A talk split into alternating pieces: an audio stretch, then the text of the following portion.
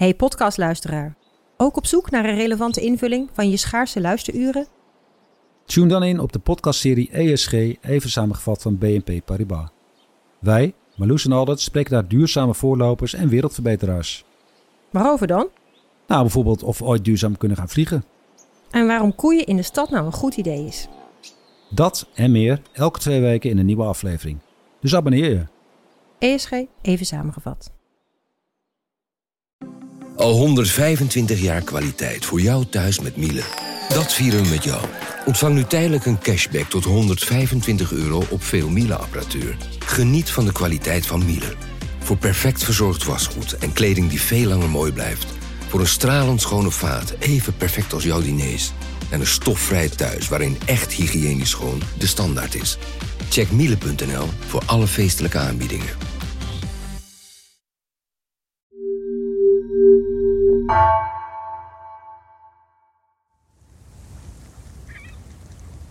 Rust, ruimte, de duinen, de zee en het zand, het strand en de zoute lucht en de geuren die daarbij horen. Dat is wat voor mij voornamelijk het eiland beschrijft.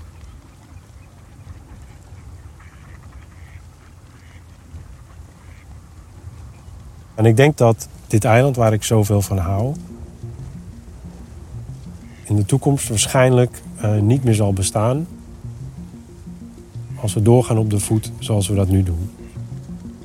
Dit is Sjoerd Groeskamp, klimaatdeskundige en geboren op Texel. Het wordt nu lastig gepraten. Al klauterend. Zo, we zijn boven. ja, dit vind ik dus echt een van de allermooiste plekjes van Texel. Als ik uh, hier rondjes hardloop, dan moet ik hier altijd even stoppen. Aan de ene kant zien we de duinen, met uh, in de verte de Horen en het dorp en de kerk. Aan de andere kant zien we uh, het vlak. Het is gewoon een enorm mooi natuurgebied. En dan achter ons de zee natuurlijk met het strand.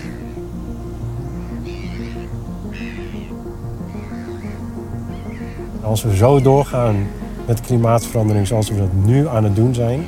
dan hoort daar een zeeniveaustijging bij die zo bedreigend zal zijn dat de kans groot is dat plekken als Texel op een gegeven moment niet meer verdedigd zullen worden en dat we dat dus gaan kwijtraken.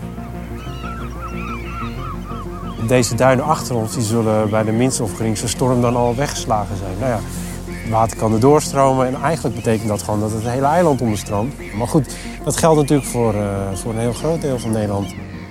En dat is wel een, wel een angst.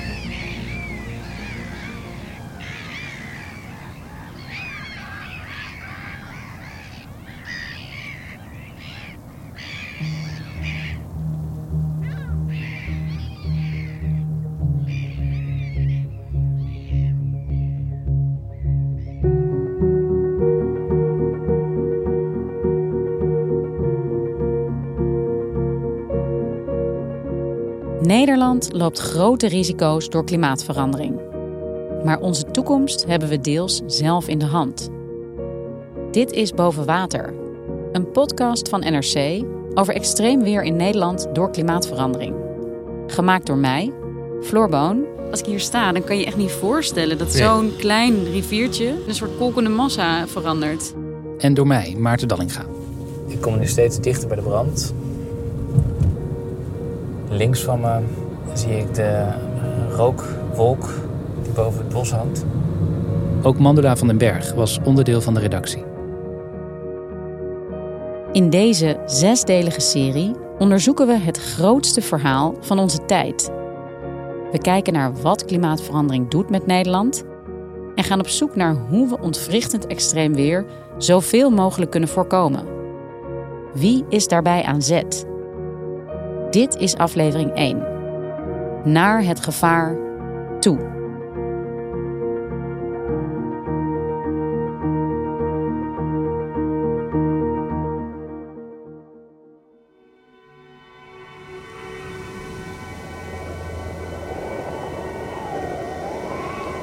De pannen die klapperden op het dak en het was net of er een uh, auto met een uh, zware motor uh, voorbij reed. Zo hard, heel hard geluid. Het was zowel lawaai dat eigenlijk niemand kon slapen. Het, het, was een uitzonderlijk zware storm die maar niet ophield. Hè? En dan kwamen er eh, eh, dakpannen van de, van de daken af, hè? bij zo'n boerenschuur en bij het huis. Of dan konden ze een keer een, een deur kapot slaan. 31 januari 1953. De grootste Nederlandse natuurramp van de 20e eeuw. De watersnoodramp.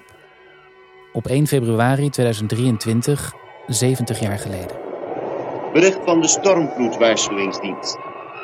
Boven het noordelijke en westelijke deel van de Noordzee woedt een zware storm tussen noordwest en noord. Verwacht mag worden dat de storm de hele nacht zal voortduren. Mijn opa, Adriaan Nagelkerken, is dan 36 jaar oud. Hij heeft een open blik, wat bolle wangen en is een beetje kalend. Dat zie ik op een oude foto. Mijn opa is op dat moment nog maar een paar maanden dominee van de gereformeerde kerk in Zonnemerre. Een klein dorp op het Zeeuwse eiland Schouwen-Duiveland. Het is zijn allereerste gemeente. Het is noodweer. Schepen zijn in nood langs de hele Nederlandse kust. Net als de rest van Nederland gaat mijn opa naar bed zonder te weten hoe erg het gaat worden. Mijn opa leeft niet meer, dus ik kan hem niets meer vragen over de storm. Wat ik wel weet is dat hij in Zonnemerre veilig is voor het water. Maar in het naastgelegen Drijschoor gaat het helemaal fout. Daar woont ook de familie Den Boer. Ze kerken bij mijn opa. Het hele gezin verdrinkt. En hoogstwaarschijnlijk heeft mijn opa ze allemaal begraven. Hier. Wow, hier staat de hele familie. Johannes Marinus den Boer, overleden op 44-jarige leeftijd de vader. Cornelia Gertruide van Ree, overleden op 35-jarige leeftijd de moeder. De kinderen, vier kinderen. Willem Johannes den Boer, 12 jaar. Wim van 12, Anneke van 11, Dim van 7 en Kaatje van 1 jaar oud. Hij was boer, die vader was boer. Nou, het werkend boerengezin. Ja, Anneke was mijn vriendinnetje. We kwamen veel bij elkaar. Zij had mooi donker tegen zwart aan lang haar en dan aan weerskanten strikken erin. En ja, ik had er maar één. Dim, de middelste, dat was een zoontje van, die kwam wel eens bij ons. Die reed op een driewielertje, weet ik nog. Ja, ja. Ja, we speelden in de schuur, hè. Het was een boerderijtje. We speelden met alles wat er was. Ik weet nog wel het orgelspel van de moeder. Ja, de moeder was heel muzikaal en, kon, en mocht ook in de kerk spelen. En, en ja, dat klonk heel mooi. Er is een website, deramp.nl, met uh, verhalen over slachtoffers van de watersnoodramp. En dan ben ik heel nieuwsgierig of er ook verhalen op staan over de familie uit de kerk van mijn opa. Ik vind onder meer een herinnering van een neef van de moeder van het gezin Den Boer. Ze hadden een radio, staat er, en hoorden zo dat er een flinke storm met springvloed op komst was. Vader Johan kende de dijken ook goed, lees ik. Hij was als boer mede verantwoordelijk voor het onderhoud. Volgens de schrijver van dit stukje wist vader Johan van een zwakke plek in de dijk. Toen de storm erger werd, besloot hij om zijn gezin met de tractor en platte wagen verderop in veiligheid te brengen. Maar toen ging het dus mis. Rood dak, baksteen, witte kozijnen. Grote tuin. Ja, ik had ook En- al mooi onderhouden. En omheen weiland, weiland, weiland. En iets verderop de dijk en daarachter het water, direct. We staan op een paar honderd meter van het Gevelingenmeer. Het water tussen de eilanden Goeree-Overflakkee en Schouwen-Duiveland. Nu zijn de golven er kalm. Dit is de boerderij van de familie Den Boer. Dus. Ruud van den Berg is samen met zijn man nu eigenaar van de boerderij in Drijschoor. Wij hebben de boerderij eh, gekocht van de erfgenamen van de mensen die hier verdronken zijn in eh, 1953. Nou, we komen hier aan de eh, oostzijde van het huis. En aan deze gevel zie je, eh, daar eh, is een, een steentje in gedaan met een pijltje. En dat pijltje dat is verguld. En dat is het niveau waar het water heeft gestaan. 2, 2,5, 2,5 meter, hou het maar even op. Dus deze gevel van het woonhuis, daar is niks kapot aan gegaan. Niks. Behalve dan natuurlijk de ramen, maar de, de, de vette is er niks, niks kapot gegaan. Als zij boven waren gebleven, was er niks aan de hand geweest. De ramen waren kapot, maar de bovenlichten waren zelfs nog heel. Het eind van het verhaal is dan dat als ze niet weggegaan waren, waren ze niet. Uh, ja, als ze thuis gebleven waren, ja, dan was er niks aan de hand. Ja, ja, ja, ja. Zo zijn er zoveel van die dingen gebeurd. Met de ramp zijn de mensen weggegaan. Die hadden thuis moeten blijven. En er zijn thuis gebleven, die hadden weg moeten gaan. Het ene mens liep dat gevaar toe. Het andere liep er van vandaan.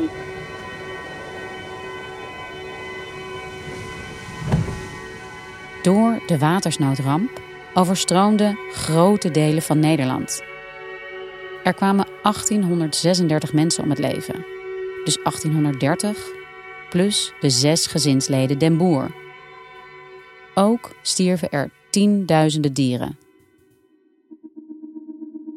Op 1 februari 2023 is het 70 jaar geleden. Een mensenleven zo'n beetje. Ver weg. En tegelijk geeft het ons een blik op hoe onze toekomst eruit kan zien. Stel je voor dus dat je op het strand staat, bij het water. En het water is vijf meter hoger dan wat het nu is. Probeer dan eens in te denken wat voor gevolgen dat heeft voor Nederland. Dat is wel echt wel heel anders dan, uh, dan de 1 meter waar we ons nu op voorbereiden. Bijna 60% van ons land uh, kan overstromen. Een groot deel vanuit de kust, maar ook vanuit de rivieren. Dan kan er in één keer ook heel, heel snel een, een polder heel snel vollopen. Uh, en dan heb je dus weinig tijd om ergens anders heen te gaan. Het verhaal van de watersnoodramp laat ook iets zien van waar wij zelf en de generaties na ons misschien rekening mee moeten houden. Door klimaatverandering neemt de kans op overstromingen alleen maar toe. Door de toenemende opwarming van de aarde stijgt het risico op extreme buien en smelten de ijskappen sneller, waardoor de zeespiegel stijgt. Ook zullen hittegolven vaker voorkomen, net als lange periodes van droogte. Op een gegeven moment kwam er een grafiek voorbij die liet zien, oké, de zomer van 2021 was uitzonderlijk warm. En dan kijk je en dan zie je dat alle voorspellingen aangeven dat wat wij toen als extreem ervaarden, 15 jaar later waarschijnlijk gewoon gemiddeld is. Hitte is echt degene waar we nou ja, echt levens verliezen en vermijdbaar, echt vermijdbare doden zien, omdat we gewoon niet goed genoeg voorbereid zijn en onszelf niet realiseren hoe gevaarlijk die hitte is. Kantelen. Kenteren. Omslaan. Omkeren. Omkiepen. Kapseizen. Omvallen. Waar denk jij aan bij deze woorden? Aan een stoel die nog even heel kort op de punten van zijn poten balanceert, voordat hij onvermijdelijk de andere kant op valt. Aan het licht dat aanknipt als je op een lichtknopje drukt en zo een donkere ruimte in één klap verlicht? Aan een smeltende gletsjer misschien. En het langzaam verdwijnen van de poolkappen. Dat in het klimaatdebat steeds vaker als onomkeerbaar kantelpunt wordt gezien. Of denk je misschien aan jezelf?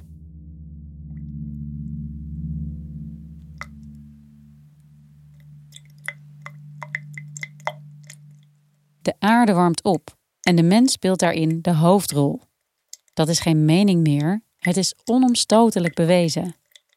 Die opwarming zorgt voor extremer weer, zowel in neerslag als in droogte. Overal ter wereld, dus ook in Nederland. En daar kijken we in deze serie vooral naar, naar Nederland. Omdat wij er wonen, omdat het dicht bij huis is. En ja, er zijn landen die nog veel kwetsbaarder zijn voor klimaatverandering. Daar zijn we ons van bewust. Maar Nederland loopt ook grote risico's. Het is eigenlijk zo dat klimaatverandering is het met steeds kortere tussenpozen optreden van extreme weersomstandigheden. Dit is Peter Kuipers-Munneke. De rossige weerman die je in het NOS-journaal voorbij ziet komen en NRC-columnist. Hij is ook glacioloog en bestudeert gletsjers en ijskappen. Ja, we kunnen niet één op één het, ja, de vingerafdruk van klimaatverandering bij elke overstroming en bij elke uh, uh, droogteperiode, dat kunnen we daar niet opplakken als het ware. Maar door het warmer worden van de atmosfeer raakt als het ware de atmosfeer een beetje op hol en de luchtstromen die daar uh, elke dag in plaatsvinden. En dat zorgt er nou eenmaal voor dat je meer weersextremen ziet. Dus eigenlijk zijn weersextremen zijn de manifestatie van klimaatverandering. De uitstoot van broeikasgassen door mensen is gestegen tot concentraties die voor het laatst miljoenen jaren geleden in de atmosfeer voorkwamen.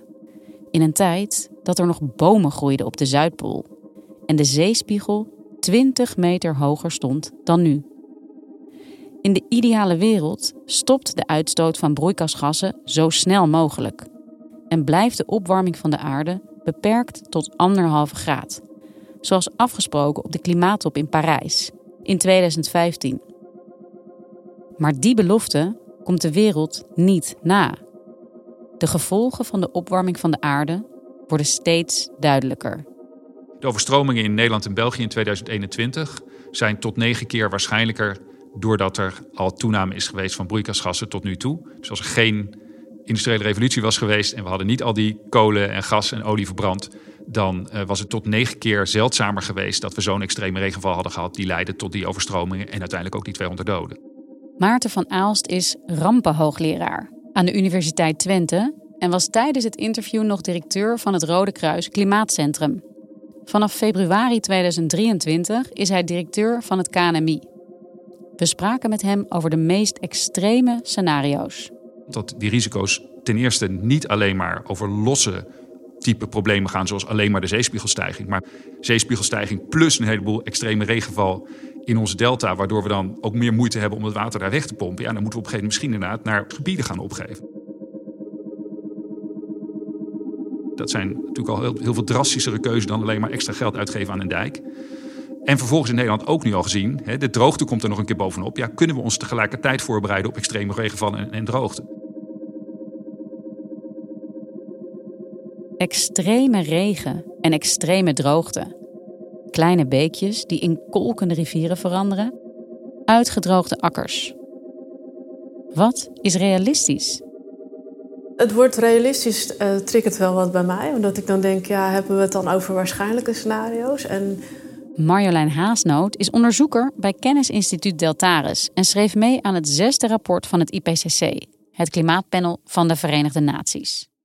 Ik kijk ook wel breder dan zeg maar, de hele waarschijnlijke bandbreedte. Ook omdat sommige scenario's zijn dan niet heel waarschijnlijk, maar wel mogelijk. Je wil dat toch wel in beeld brengen, omdat de gevolgen voor Nederland zo belangrijk zijn. En, voor zeespiegelstijging uh, moet je dan denken aan een waarschijnlijke bandbreedte van tussen de 40 centimeter en uh, ja, 1 meter in 2100. En 40 centimeter als we de Parijsdoelstellingen halen, zeg maar, in 1 meter als we dat niet doen. Uh, maar het is ook mogelijk dat het 2 meter wordt. Uh, en 2 meter en 2100 betekent dus 5 meter en 2150. Niet alleen spullen kunnen kantelen, kenteren, omslaan of omkiepen. Het weer kan omslaan. Het klimaat kan veranderen. Ook de mens kan kantelen. In een situatie komen waarin verandering zichzelf gaat versterken waarin je overgaat van de ene in de andere toestand. Als je in slaap valt en weer wakker wordt. Als je depressief wordt en weer beter. Als je een been breekt, dat weer heelt. Als je een migraineaanval krijgt, die weer passeert. Wat nu als we ook als samenleving kunnen kantelen?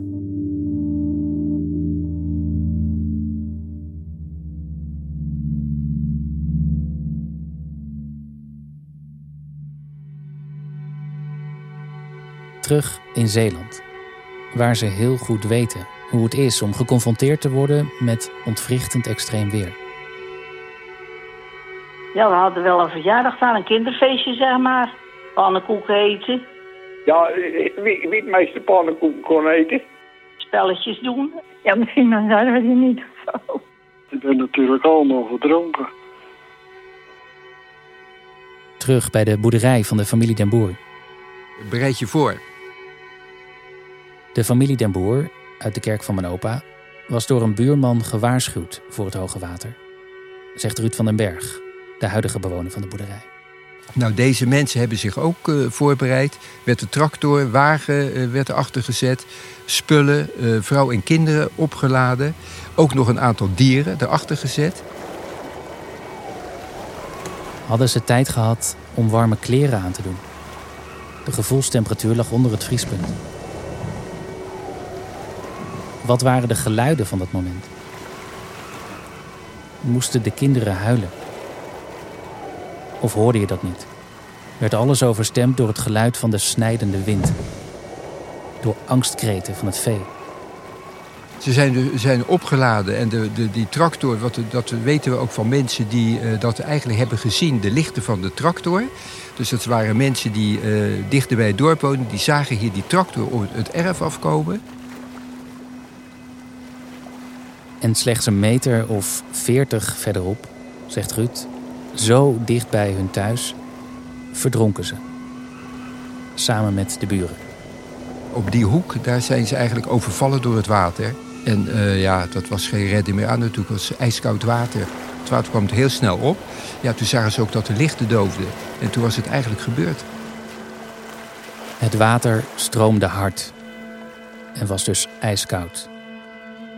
Hoe lang zullen ze nog hebben geleefd? En hebben ze elkaar nog vast kunnen houden? Het is donker, je ziet het niet komen, je ziet niks. Aarde donker. Je had hier geen elektriciteit op dat moment in die polders. Je had geen straatverlichting, niks. Piet Berman.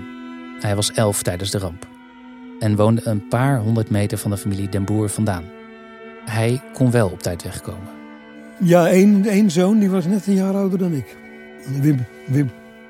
1836 onschuldige mensen werden meegesleurd door het water. Een volledig willekeurig aantal. Het hadden er zomaar honderd minder kunnen zijn geweest. Of één meer. Mijn oudste zus was een vriendin met dochter daar. En die zou daar dat weekend moeten logeren. Maar er was iets ziek, dus dat is niet doorgegaan. Dat was een vriendinnetje, de dochter. Ik, was, ik vond het altijd hartstikke leuk om daar te logeren. Ja. Maar dat is toen verzet. Dus dat is een groot geluk geweest? Ja, inderdaad.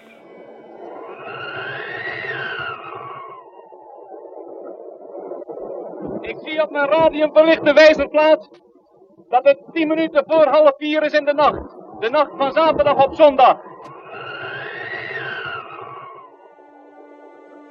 Hoe kon het nou toch zo misgaan in 1953?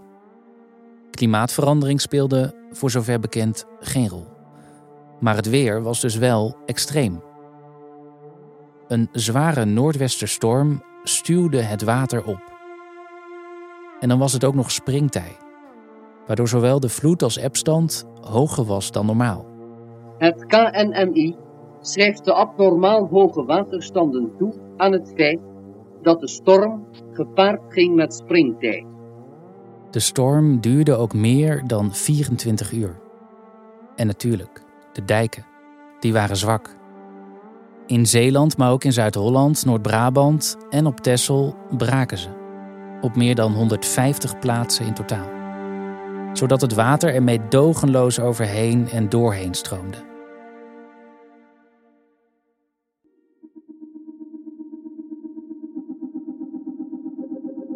De familie Den Boer uit Zeeland liep naar het gevaar toe. Doen wij niet hetzelfde als je kijkt naar hoe we omgaan met het klimaat?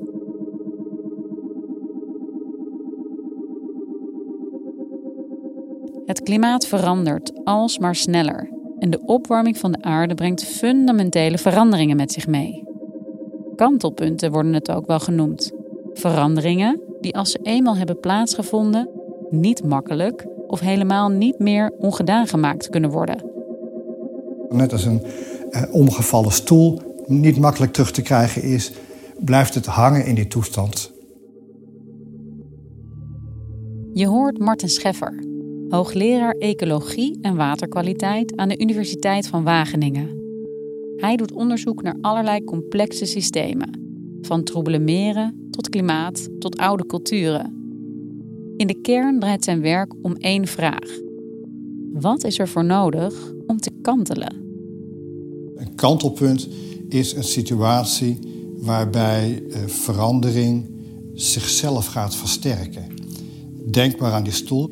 Als je op dat kritieke punt, ja, als er dan een heel klein duwtje tegen gaat, dan gaat hij, dan gaat hij opeens steeds sneller en dan is het niet meer tegen te houden. Kantelpunten kregen de laatste jaren vooral bekendheid in berichtgeving over het klimaat. Zoals het volledig wegsmelten van de ijskappen, waardoor de zeespiegel met meters zal gaan stijgen. Of het afsterven van regenwoud in de Amazone op zo'n schaal dat het zichzelf niet meer kan herstellen en die grote bossen juist extra CO2 gaan uitstoten. En veel soorten zullen uitsterven. Als vers afgestudeerde biologiestudent ging hij werken bij Rijkswaterstaat. Daar kwam Martin Scheffer voor het eerst in aanraking met kantelpunten. Het waren de jaren 70 en de Nederlandse meren en vennetjes waren helemaal dichtgegroeid met kleine groene algen. Die algen verstikten het volledige ecosysteem. En die meren die waren gewoon uh, groen, grijs, uh, troebel. Je kunt de bodem niet zien. En dan heb je dus uh, ja, water wat wij ook allemaal wel kennen. Groene soep, zeg maar. Het team met daarin Martin Scheffer kreeg de opdracht die groene soep weer helder te maken.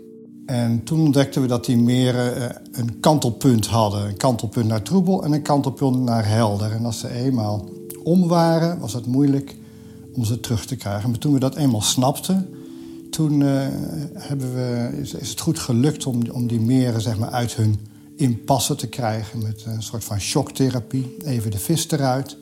En dat, nou, dat is een klassiek voorbeeld geworden van een kantelpunt bij een, een heel complex natuurlijk systeem. Het toepassen van shocktherapie bleek dé oplossing te zijn. In het geval van de troebele meren was dat de vis eruit halen. Daardoor werd de bodem niet meer omgewoeld en gingen de waterplanten groeien. Daartussen konden watervlooien schuilen en zij filterden het water, waardoor het helder bleef. Het systeem werd, zegt Scheffer, opnieuw stabiel in een andere toestand. Kantelpunten die waren al lang bekend uit de, uit de wiskunde. En, en van stoelen en, uh, en kano's en zo. Maar het was nog niet zo duidelijk dat dat in het uh, grote complexe geheel ook zou kunnen. En die meren hebben bijvoorbeeld functie gehad uh, in dat onderzoek. En daarna is het duidelijk geworden dat ook uh, koralen, regenwouden, andere ecosystemen kantelpunten hebben.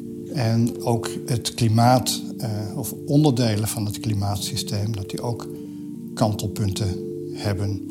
En ook dat de mens kantelpunten heeft. Dus niet alleen het klimaat heeft kantelpunten, ook wij mensen kunnen kantelen. Als individu. Wakker worden of in slaap vallen. En ook de samenleving kan kantelen. De verkeerde kant op. Een extreme droogte, overstroming, noem maar op. Dat kan een, een samenleving die op kantelen staat, die heel weinig veerkracht heeft, kan het het uiteenvallen van die samenleving betekenen. Maar wat als we de handen ineen zouden slaan en in staat zijn om de opwarming van de aarde wel onder de anderhalve te houden? Je kunt je uh, bijvoorbeeld voorstellen dat dat bij een samenleving misschien ook zou kunnen zijn. Dat een hele grote schok ons net ergens over een, uh, een, een, randje duwt, uh, waardoor je doorschuift en, en er een verandering is. Wat als we de goede kant op kantelen? Ik denk ook werkelijk, en dat, dat, is, dat meen ik oprecht, dat we enorm kunnen veranderen. En ik heb het gevoel dat die beweging al is ingezet. En dat stemt me hoopgevend.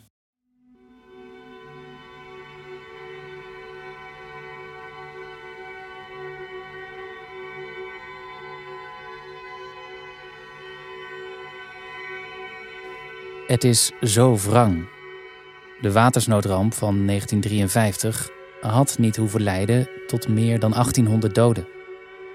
Er werd jaren gewaarschuwd voor de slechte staat van de dijken. Maar de overheid luisterde onvoldoende. Nam de signalen niet serieus genoeg. Zeeuws archief Zierikzee.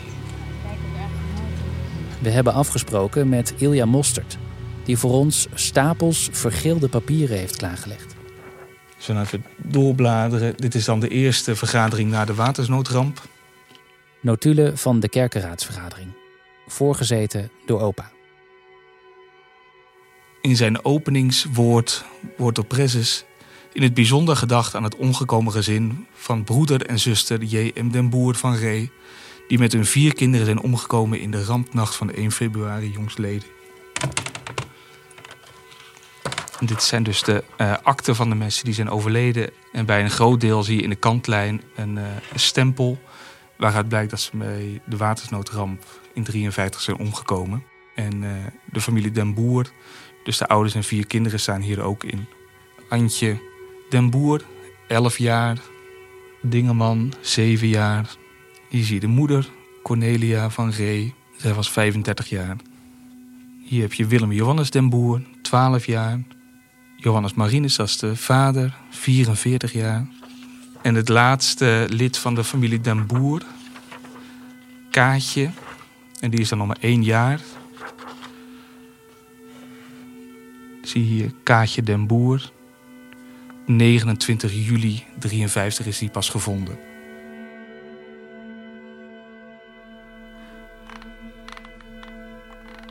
Op internet lees ik ook deze herinnering. Op de dag van de storm had vader Johannes de waarde van zijn graanoogst ontvangen. Een bedrag van 7000 gulden. Waarschijnlijk heeft hij dat geld nog bij zich gehad toen hij verdronk.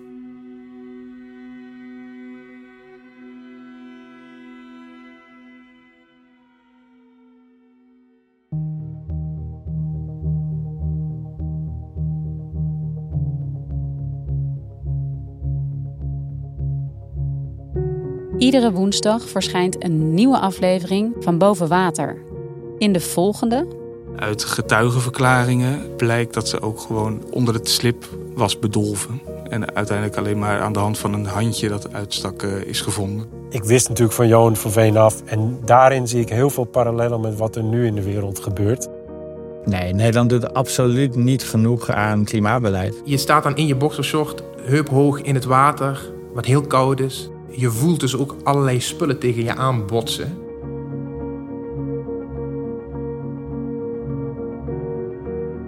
Boven Water is een podcast van NRC. Gemaakt door mij, Floor Boon, Maarten Dallinga en Mandula van den Berg. Montage Maarten Dallinga en audiochef. Muziek Maarten Vos. Eindredactie Mirjam van Zuidam. Chef van de audioredactie is Anne Moraal. Het beeldmerk werd gemaakt door Marijn Hos. Reacties bovenwater.nrc.nl